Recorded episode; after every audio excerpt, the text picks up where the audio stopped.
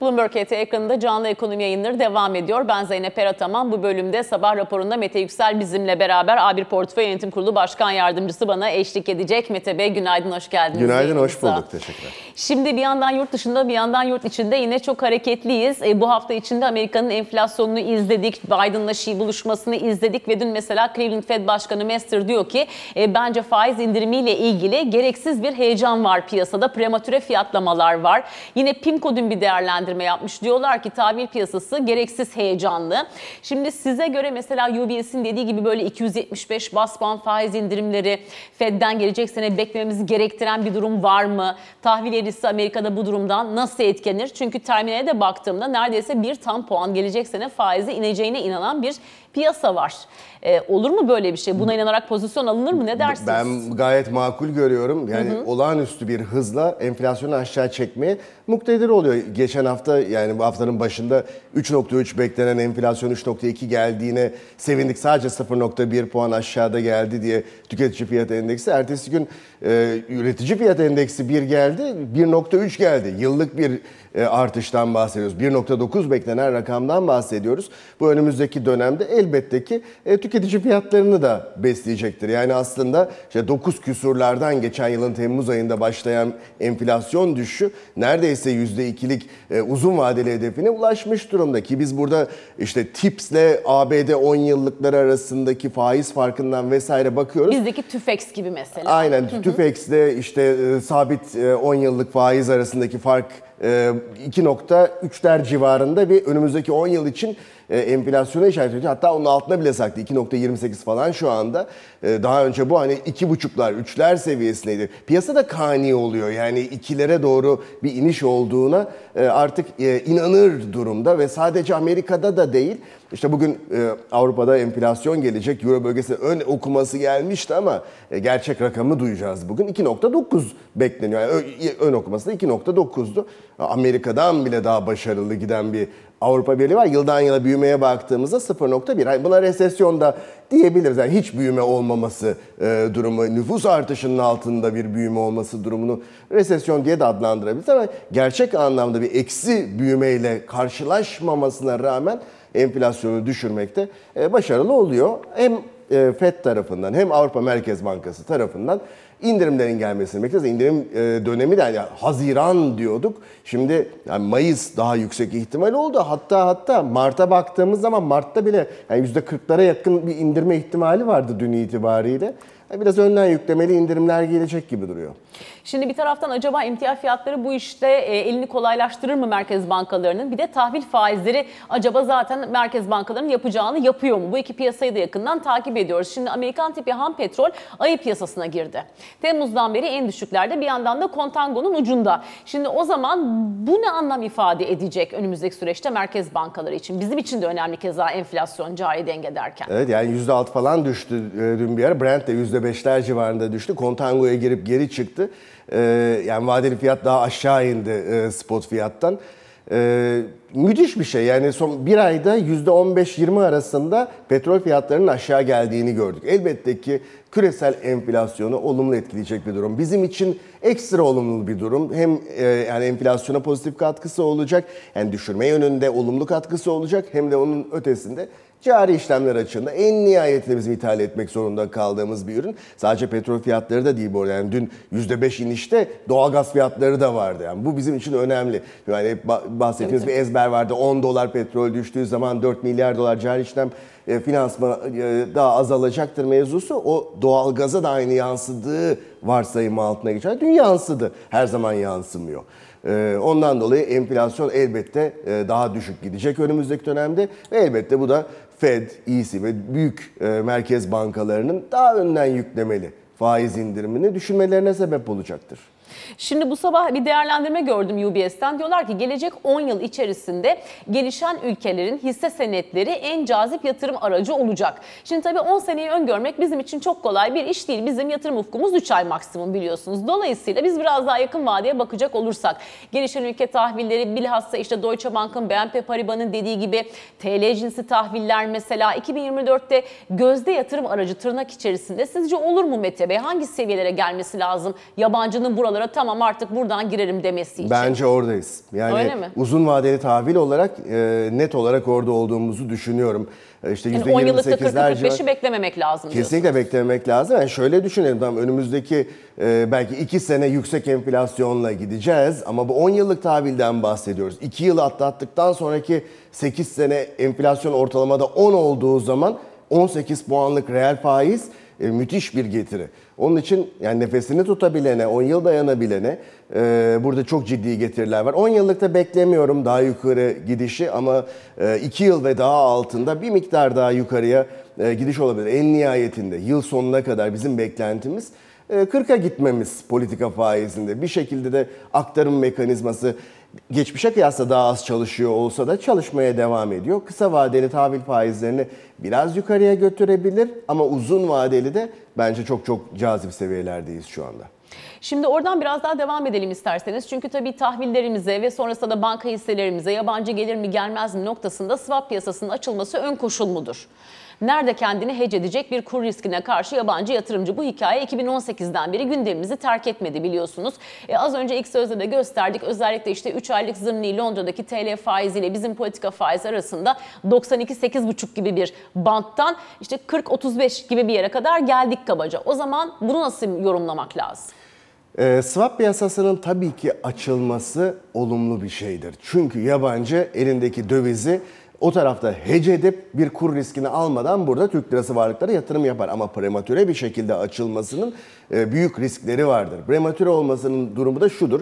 Eğer ki şu anda swap piyasasını açıp oraya gani gani Türk lirası likidite verdiğimiz takdirde faizlerde döngünün sonunda olmadığımızdan dolayı yerel seçim bittikten sonra bir miktar daha TL'nin değer kaybı beklentisi olmasından dolayı e, yabancılar oradaki TL likiditeyi dolar TL almak için kullanacaklardır. Yani bizim e, işte yerel söylemimizle dolar yükselecektir e, bunun sonunda bu spekülasyonun sonunda. Ondan dolayı şu anda e, yapılmaması gereken bir şey bence gerekli koşulların öncelikle sağlanması. Gerekli koşul da e, faiz döngüsünde sonuna geldiğimizin net bir şekilde ortaya konması gerekiyor. O da e, beklenti anketi çıkıyor, piyasa katılımcıları anketi. yenisi de Bizim için gelecek. en önemli şey o. Eğer ki beklenti anketinde, piyasa katılımcıları anketinde iki tane işte 45 e, gördük. Onun önümüzdeki bir yıla e, ilişkin e, enflasyon beklentisi kırılır da birazcık yakınlaşırsa hani OVP'ye demeyelim ama Merkez Bankası'nın 36'lık beklentisine yaklaşır e, ise bu fevkalade olumlu şey. Yani reel faize doğru ilerlediğimizi, bileşiği alındığı zaman e, net bir şekilde reel faize gittiğimizi gösterir. 35'ten 40'a gittiğimiz e, yıl sonu bir politika faizi. E, o nokta gerçekleşirse, yerel seçim sonrasında da e, belki olması gereken yere e, ulaştığı zaman dolar TL seviyesi yabancılar için şöyle bir durum olacak. Tamam artık faiz arttırım döngüsünün sonuna geldik. Yani bu Türk lirası tahvilleri almak için en iyi fırsat. Bir kere ben kurdan yemeyeceğim artık. Sermaye piyasası zararı da elde et, yani piyasaya göre değerleme zararı da elde etmeyeceğim çünkü zirvedeyiz. O yabancının TL tahvillere teveccüh göstermesi için en uygun ortam olacak. Yani yıldızlar orada sıralanmış diyeceğimiz ortam olacak bizim için. Peki devlet iç borçlanma senetleri mi yoksa özel sektör tahvilleri mi diye sorsam size. Çünkü son dönemde tabii ÖST'lerde bileşik getiriler %50'lere vurunca orası biraz daha öne çıktı ve hatta e, bizde geçen hafta Business Week dergisinde de vardı mesela bir şirkete yatırım yapmak istiyorsunuz. Hissesini mi almalısınız, işte tahvilini mi almalısınız diye. E, tabii nitelikli yatırımcı ve e, 1 milyar, e, 1 milyon TL gibi bir e, alt sınır 17 senedir orada devam ediyor ama fonlar var. Tefas'tan izleyiciler görebilirler. O da bir giriş noktası. Artı o e, 1 milyon dediğimiz sizin beyanınıza bağlı. E, siz diyebilirsiniz ki e, işte oğlumun düğününde altın geldi ben onları aldım evdeki kasaya koydum 1 milyon liranın üzerinde benim varlığım var. Beyanınız da yetiyor. Onun için herkes nitelikli yatırımcı olabiliyor aslında e, teoride. Ben e, özel sektör tahvillerini beğeniyorum. 50 e, işte basit işte 60 küsur bileşiğe denk gelen hiçbir yerde bulamayacağınız gayet yüksek bir reel faiz. Fakat o taraftaki matematik birazcık hisse senedi matematiğinden daha farklı çalışıyor. Biz hisse senedinde şunu arzu ediyoruz. Bir şirketin çok yüksek öz sermaye karlılığı olsun istiyoruz. Süper karlı. Yani az öz sermaye ile çok para kazandırsın bana. E, tahvil tarafında ise bilakis tam tersi. Çok öz sermayesi olsun. Öz sermaye kâr düşük olsa da benim için sorun değil. E, bol bol likiditesi ve borcu geri ödeyebilecek kapasitesi olsun. O kapasiteye bakmadan göz kapalı bir şekilde sadece faize bakarak alındığı zaman geçmişte birkaç kez gördüğümüz e, büyük üzüntülerle karşılaşılabiliyor. Ondan dolayı ÖST risklidir. Arkasında çalışan bir mekanizmanın olmasını istiyorsak varlığa dayalı menkul kıymet, işte alacak senetleri ya da elindeki arabaların e, işte temliği vesaire gibi şeylerle vıdımık ihraçları var. Onlar çok daha güvenli geliyor. E, Şimdi e, oradan yine devam edecek olursak hisse senedi tarafını nasıl görüyorsunuz diye soracağım. Çünkü seçimden sonra TL bazında işte %80 gibi bir rally oldu. Oradan törpülenmek normal yorumlarını çok duyduk. E, tamam mı devam mı o zaman? Bence tamam. Yani tamamdan kastım da şu. Yukarıya trend bence bozulmayacak ama enflasyonun altında kalan bir e, borsa endeksi performansı göreceğiz ve bunu aylar boyu göreceğiz. O e, işte e, testere piyasası diye adlandırdığımız destek direnç arasında sürekli trade etmeyi gereken piyasada bugüne kadar işte çok hızlı bir şekilde artmış olan yatırımcı sayımız var. E, aldıkları hisselerin yükseldiğini gö- gören bu yatırımcılar bir bakacaklar ki çok uzun süre yatırımlar hiçbir yere gitmiyor. Bir yukarı bir aşağı. O noktada da demoralize olup fırsat maliyetini kaçırıyorum ben. Mevduata dönsem acaba daha iyi olur muydu? İkinci kez düşünecekler. Bu da birazcık daha baskıyı arttıracak. Ondan dolayı da süper ekstra seçici olmak lazım. İhracatçı şirketler ve enflasyona karşı dirençli mal üreten ve satan şirketler dışında Bence çok fazla alternatif yok. Enflasyona karşı dirençli şirketler içine bu arada e, eskiden farklı olarak artık bankaları da koyabiliriz. Enflasyon endeksi tahviller müthiş bir koruma sağlıyor. Artı vade uyumsuzluğu da eskiden olduğu gibi 9 ay değil bir çeyrek iki çeyrek içinde e, yükselen faizlere uyum sağlayabiliyor artık banka mali tabloları. Ama öz kaynak karlılığı deyince enflasyondan arındırdığımızda kalan manzara çok teyit etmiyor galiba değil mi? Bilakis tam tersi olabilir enflasyon muhasebesine geçtiğimiz noktada.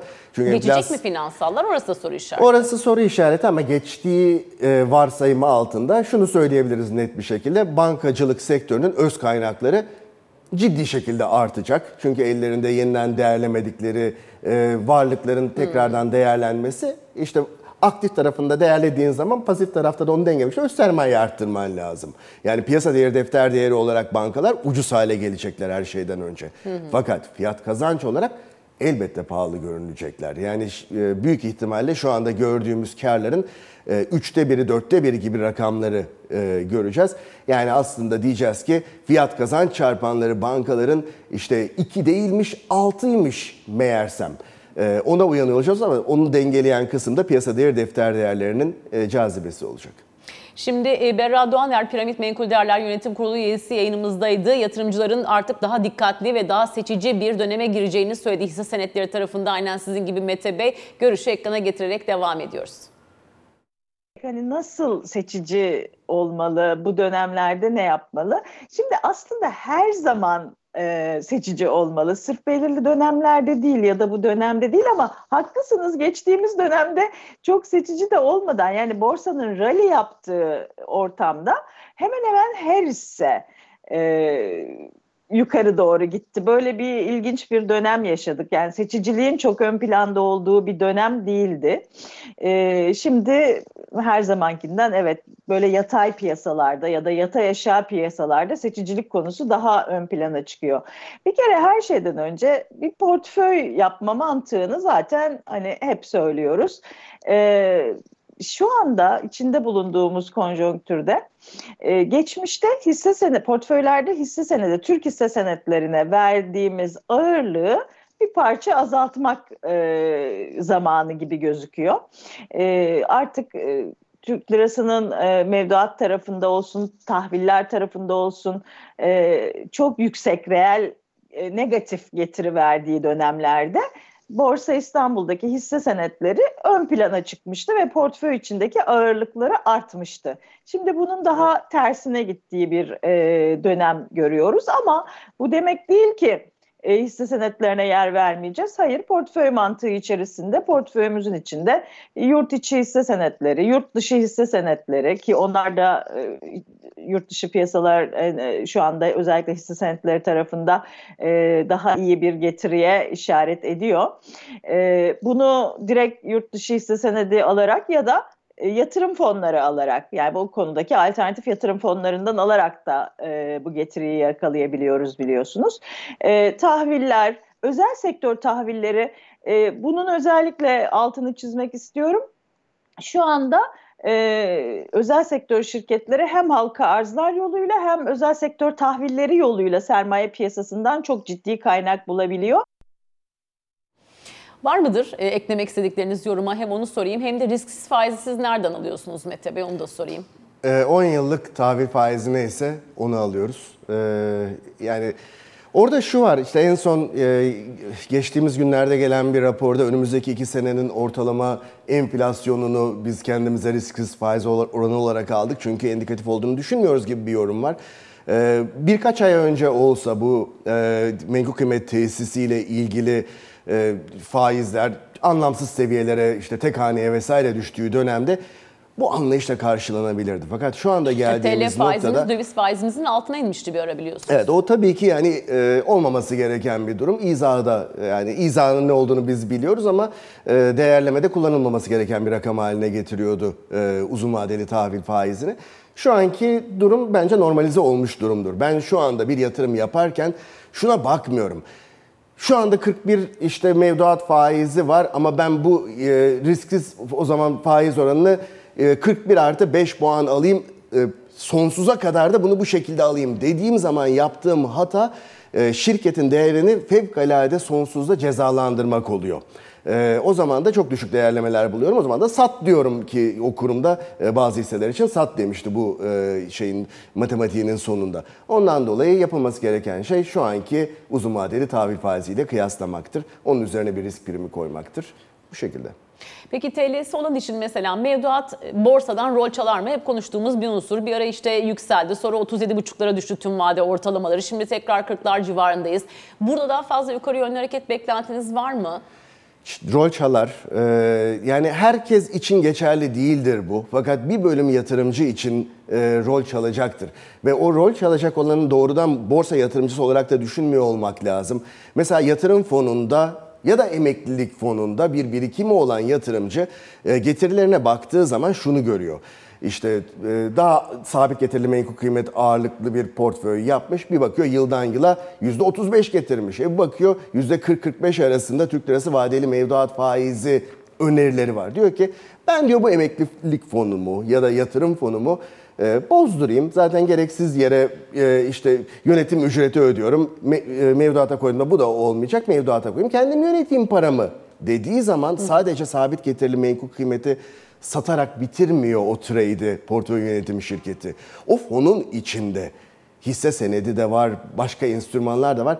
Gözünün yaşına bakmadan fiyattan bağımsız olarak her şeyi o fiyattan satıp çıkıp o kişiye parasını geri iade etmesi gerekiyor.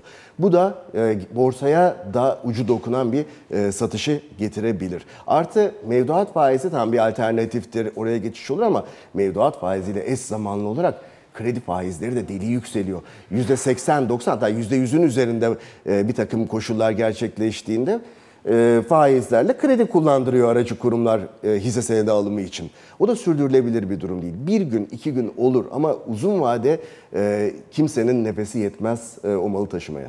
Tabii sonra zaten teminat e, tamamlama çağrıları geliyor ve düşüşler yükselişlere göre çok daha e, belirgin e, olabiliyor. Bu resmi de görüyoruz tabii borsa tarafında. O yüzden heyecan belki biraz daha yükseliyor da diyebiliriz. Carry trade açısından önümüzdeki süreçte TL daha cazip olur mu? Bu da yine tartışılan konulardan birisi bu sabah. Ne dersiniz? Çünkü Bloomberg diyor ki her gün zaten %0.1 değer kaybediyor. Bu iş belli ki kontrol altında. O zaman yatırımcının da önünü görmesi daha kolay. Madem kısa vadeli tahviller bu kadar cazip gözüküyor o zaman carry trade içinde e, burası tekrar işte tozlanan defterleri e, tekrar temizleyip açmaya sebebiyet verebilir yurt dışı yatırımcı nezdinde. Yabancının kazanabileceği faiz getirisi kadar her gün kurun değer kaybını görüyorsak orada carry trade için bir fırsat yoktur bir kere. Yani çünkü e, kurdan kaybediyor olacak aldığı faiz getirisini ya da aldığı faiz getirisini kura yapıştırmış olacak. Net nette elinde hiçbir şey kalmıyor olacak. Reel olarak getirisinin olması için e, asgari koşulları tekrar hatırlayalım. E, faiz döngüsünün sonuna gelmiş olmamız lazım. Ondan dolayı biz sürekli olarak önden yüklemeli faiz artırımı yapılmalı diyorduk. Çünkü nefesini tutuyor ya- yatırımcı şu anda yabancı yatırımcı.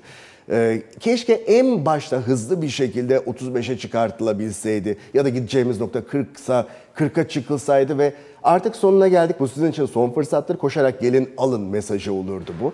Ee, eş zamanlı olarak da e, TL'ye bir destek atılmış olurdu. TL'nin değer ekonomi önüne geçilmiş noktasına olurdu. gelir miydi? Gelmezdi. Çünkü yabancı o kadar hızlı bir şekilde Türkiye'ye gelirdi ki bir anda o artmış olan faizleri ara toplantılar yaparak Merkez Bankası bilakis indirmek zorunda kalırdı. Böyle aylar içinde çok hızlı bir şekilde aşağı e, inerdik. Ondan dolayı da bir resesyona uğramadan ve ekonomi durmadan hızlı bir şekilde çıkışa girerdik. Şimdi daha uzun ve daha sancılı e, bir sürece giriyoruz. Her zaman bizim eleştirildiğimiz şöyle bir mevzu vardı.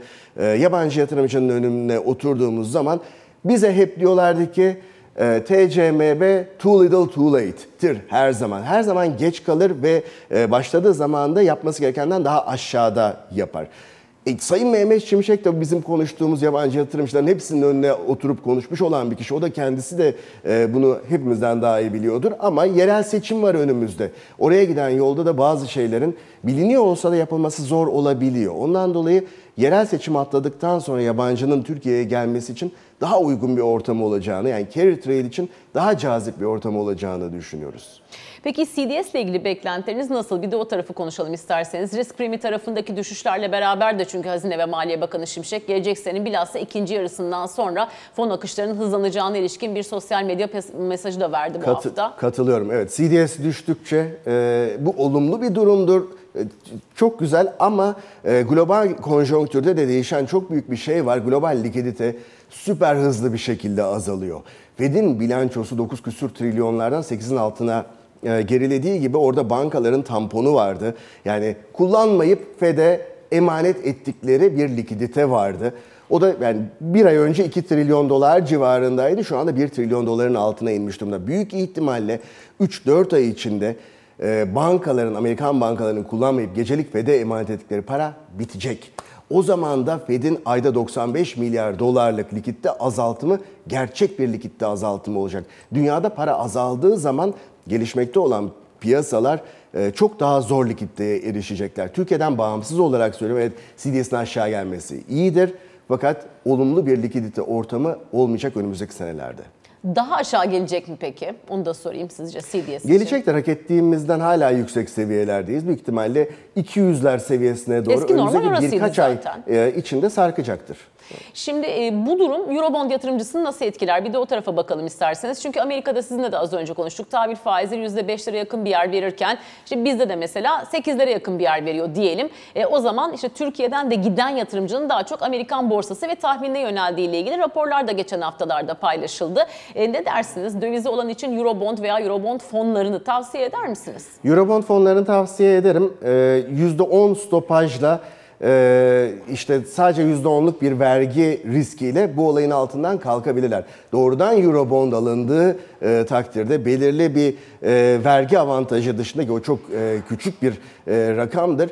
Gelir vergisi dilimine sokuyorsunuz kendinizi. Artık %30, 35, 40 neredeyseniz geliriniz üzerinden, getiriniz üzerinden o kadar vergi vermeniz gerekiyor. Ondan dolayı biz Eurobond riskini fonlar aracılığıyla hatta e, döviz cinsinden takip edilen Eurobond serbest fonlar aracılığıyla alınmasını tavsiye ediyoruz. Şimdi orada da baktığımızda mesela 10 yıllık tahvilimizde bugün Eurobond'a baktığımızda e, 8.25'lik bir faiz var. Yine 7 yıllıkta 8.28 var. 5 yıllıkta e, 7.68 var gibi e, seviyelerde ekranlarımıza e, yansıyor. E, Önümüzdeki sürece baktığınızda şimdi az önce biraz konuştuk TL'si olan ne yapar, dövizi olan e, ne yapar diye. Özellikle mesela mevduat pastası içinde TL'nin payının artması adına yeni adımlar görebilir miyiz sizce? Çünkü burada rakamlar yükseliyor deniyor ama bir yandan da sanki bu yükselişin ivme kazanarak devam etmesi de ekonomi açısından önemli. Çünkü kur korumalı mevduat gibi bir dağı eritmeye çalışıyoruz bir yandan da. Mevduat faizleri Türk lirası vadeli tarafta 30'lara yakın seviyelere kadar düşmüştü bir ay önce. Şimdi 40'ın üzerine tekrar atıyor. Bu e, yıl sonu etkisiyle biliyorsun e, bankalar birbirleriyle pazar payı için yarışıyorlar yıl sonlarında. Anlamsız ve hepsinin kritik ettiği bu durum ama hiç kimse de karşısında duramıyor bunun. E, büyük ihtimalle 45'ler civarında Türk lirası vadeli mevduat faizlerini göreceğiz.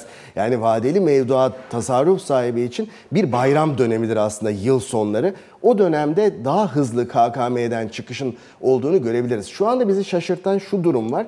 E, döviz mevduatına çok ciddi bir teveccüh var ve döviz mevduatında faizler çok hızlı artıyor. Ortalama faizleri e, TCMB'nin EVDS sayfasından takip edebiliyoruz. Yaklaşık yarım puan artmış. Yani 2,5'dan 3'e çıkmış. Çok önemli değil gibi görünüyor ama bankaların önerdiği rakamlara baktığımız zaman hani 4,5'lar, 5'ler e, dolar mevduat için önerilmeye başlanıyor.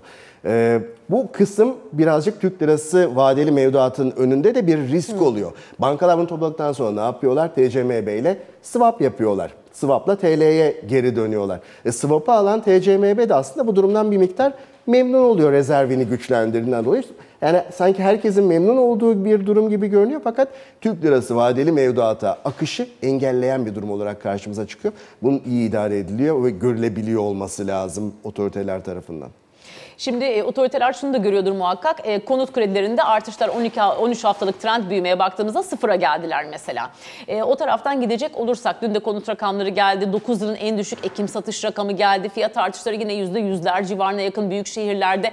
E, böyle bir ortamdan baktığımız zaman işte konut, otomobil, işte ikinci el saat bunları geçen sene çok konuştuk. İşte sanat meraklısı olanlar için tablolar havalarda uçuştu. Şimdi böyle bir ortam bitti artık diyebilir miyiz Mete Bey? Bu alternatif alternatiflere artık yatırım gözüyle bakmaktan vazgeçebilir mi e, TL yatırımcısı bilhassa?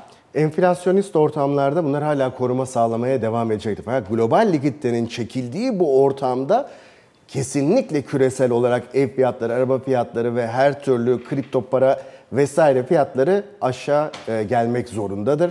E, bize özel olarak ev fiyatları ile ilgili olarak şunu söyleyebilirim. Bir kere Ev bir yatırım aracıydı. İkinci, üçüncü, dördüncü evini alanlar şu anda Türk lirası vadeli mevduat faizlerine ya da DTH faizlerine bakıp ya burada aslında iyi bir getir var. Ev fiyatları da artmıyor. O zaman ben aldığım evlerden birini ikisini satayım. Zaten yılda %25 en fazla zam yapabiliyorum kiracıma. Bu da beni reel anlamda memnun etmiyor. Buradan bir getir elde etme ihtimalim yok. Ne kira getirisi var ne sermaye piyasası kazancı e, et, e, ihtimali var. O zaman ben satayım dediği zaman ev fiyatları daha önce hiç beklemediğimiz bir şeydi fakat bunun şu anda olabileceğini görüyorum. Biz şöyle diyorduk, enflasyonist ortamda fiyatları düşmez. Sadece yavaş artar ya da durur.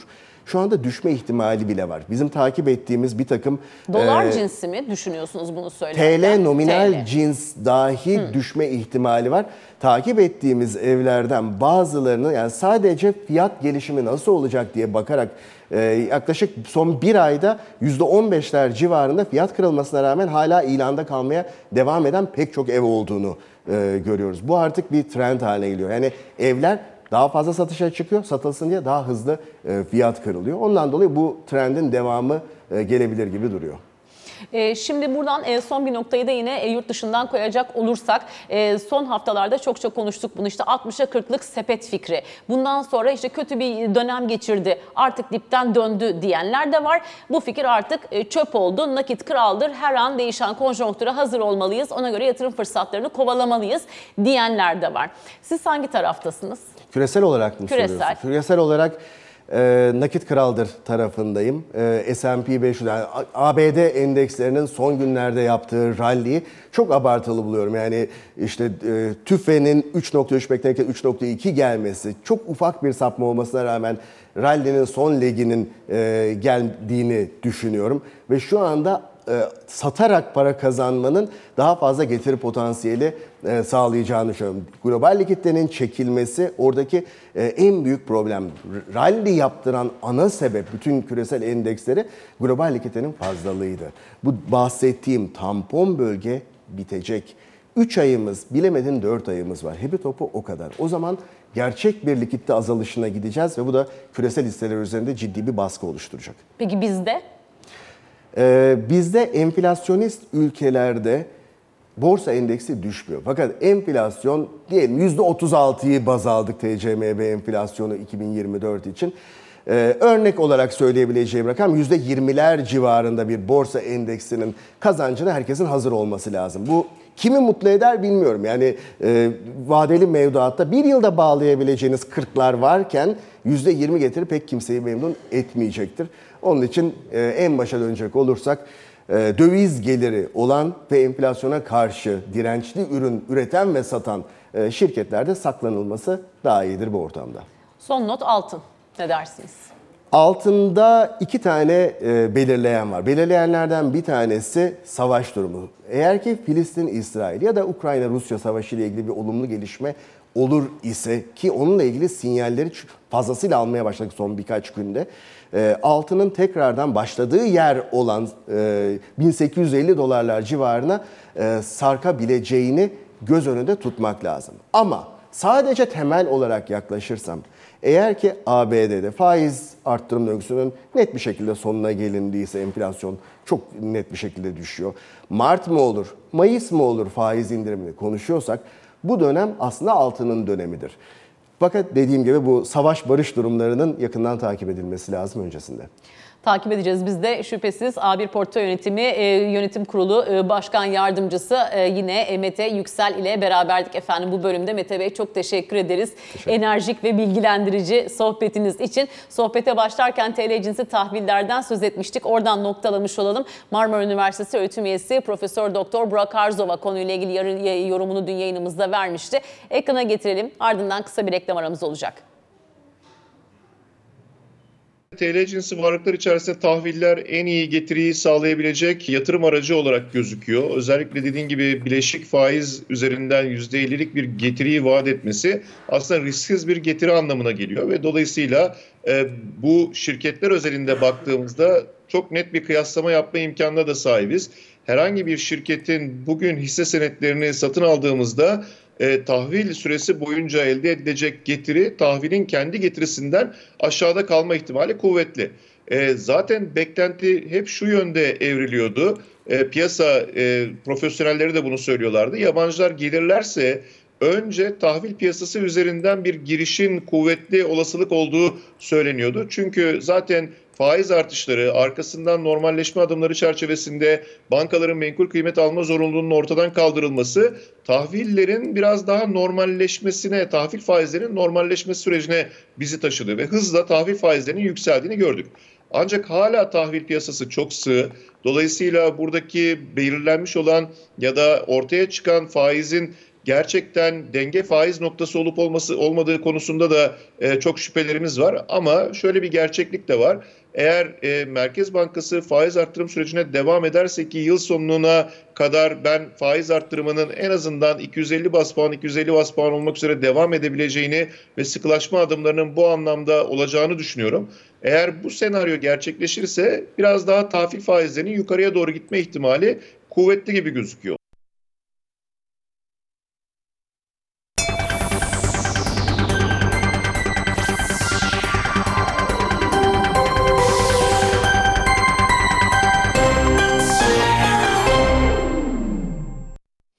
Ve sabah raporuna devam ederken hatırlatalım. Bugün piyasa katılımcıları anketini biz içeride takip edeceğiz. Euro bölgesinde enflasyondan az önce Mete Yüksel'le de konuştuğumuz üzere %2,9'luk bir beklenti var. Aynı zamanda Amerika'da konut başlangıçları ve inşaat ruhsatları verileri de bugünün ajandasında. Ve bu hafta e, piyasa için en önemli verilerden bir tanesi şüphesiz Amerika'dan gelen enflasyondu. Buradaki düşüşler piyasa için moral kaynağı oldu. IMF Başkanı Kristalina Georgieva Amerika'da enflasyon tablosunda önemli ilerlemeler zaferler kaydedildiğini söyledi ama acaba zafer ilan etmek için doğru zaman mı? Georgieva'nın yanıtından takip edeceğiz. Bu yorumla beraber sabah raporunu noktalıyoruz ve yayınımızı yatırım bültenine devrediyoruz. Hoşçakalın. Evet piyasaları bugün bakarsınız inanılmaz bir rally var ve burada Fed artık bir sonuca geldi. Enflasyon problemi sona erdi demek için erken mi? Evet çok erken ama en azından enflasyonla mücadele kendini gösteriyor gibi duruyor. Çünkü geçen seneye kıyasla küresel enflasyonda yarı yarıya bir geri çekilme var. Ve trend de aslında bu enflasyondaki e, trendin aşağı yönlü olarak devam etmesi gerek bekleniyor ama yine de tam olarak sona ermedi. Yine de ben daha önceden söylediklerimizi tekrarlamak istiyorum. Bir süredir söylemeye çalışıyoruz. Dayanıklı olun ve verileri takip etmeye devam edin. Bence burada sadece e, kutlama enflasyona dayalı olmayacak. Aynı zamanda küresel ekonomide çok dirençli olmaya, güçlü olmaya devam ediyor. İstihdam piyasası sıkı duruyor ve bu yılı büyümesinin pozitif tarafta olmasını bekliyoruz. Tabii ki istediğimiz yüksek seviyelerde olmasa da yine de pozitif olacak. Ve burada çok e, dramatik e, jeopolitik gelişmeler de yaşandı maalesef. ve bunlar piyasalar bunlara bakıp şunu da söyleyebilirdi. Aslında bundan daha kötüye gidemez diyebilirdi. Büyümeye baktığınız zaman örneğin işte gelişmiş ülkelerde hala trendin altında bir büyüme var. Acaba bir resesyon olacak mı sizce? Evet, e, çok böyle e, muhtemelen olacak diyemeyiz. Çünkü bu pozitifteki büyüme trendinin devam ettiğini söyleyebiliriz ama yine de zayıf ve bir büyüme var ve burada yüzde üçlük bir büyüme 2028'e kadar bir büyüme. Örneğin işte e, ortalama böyle bir durum olursa ki pandeminin önce yüzde dört seviyesindeydi yani aslında biraz daha üretim konusunda üretime dayalı büyüme konusunda gerçekten çok açız yani herkes bunun olmasını istiyor E, yapay zeka e, ve teknolojik gelişmelere dayalı büyüme olmasını istiyor ve eğer bu olursa düzgün bir şekilde hayata geçirse bu gerçekten önemli olacak. Geçtiğimiz yıl şunu gördük. Bazı sinyaller geldi. Belki de burada e, dijital ekonomiye dönüş için pandemi sürecinde başlayan bu süreç belki de artık biraz meyvelerini vermeye başladı üretim tarafında.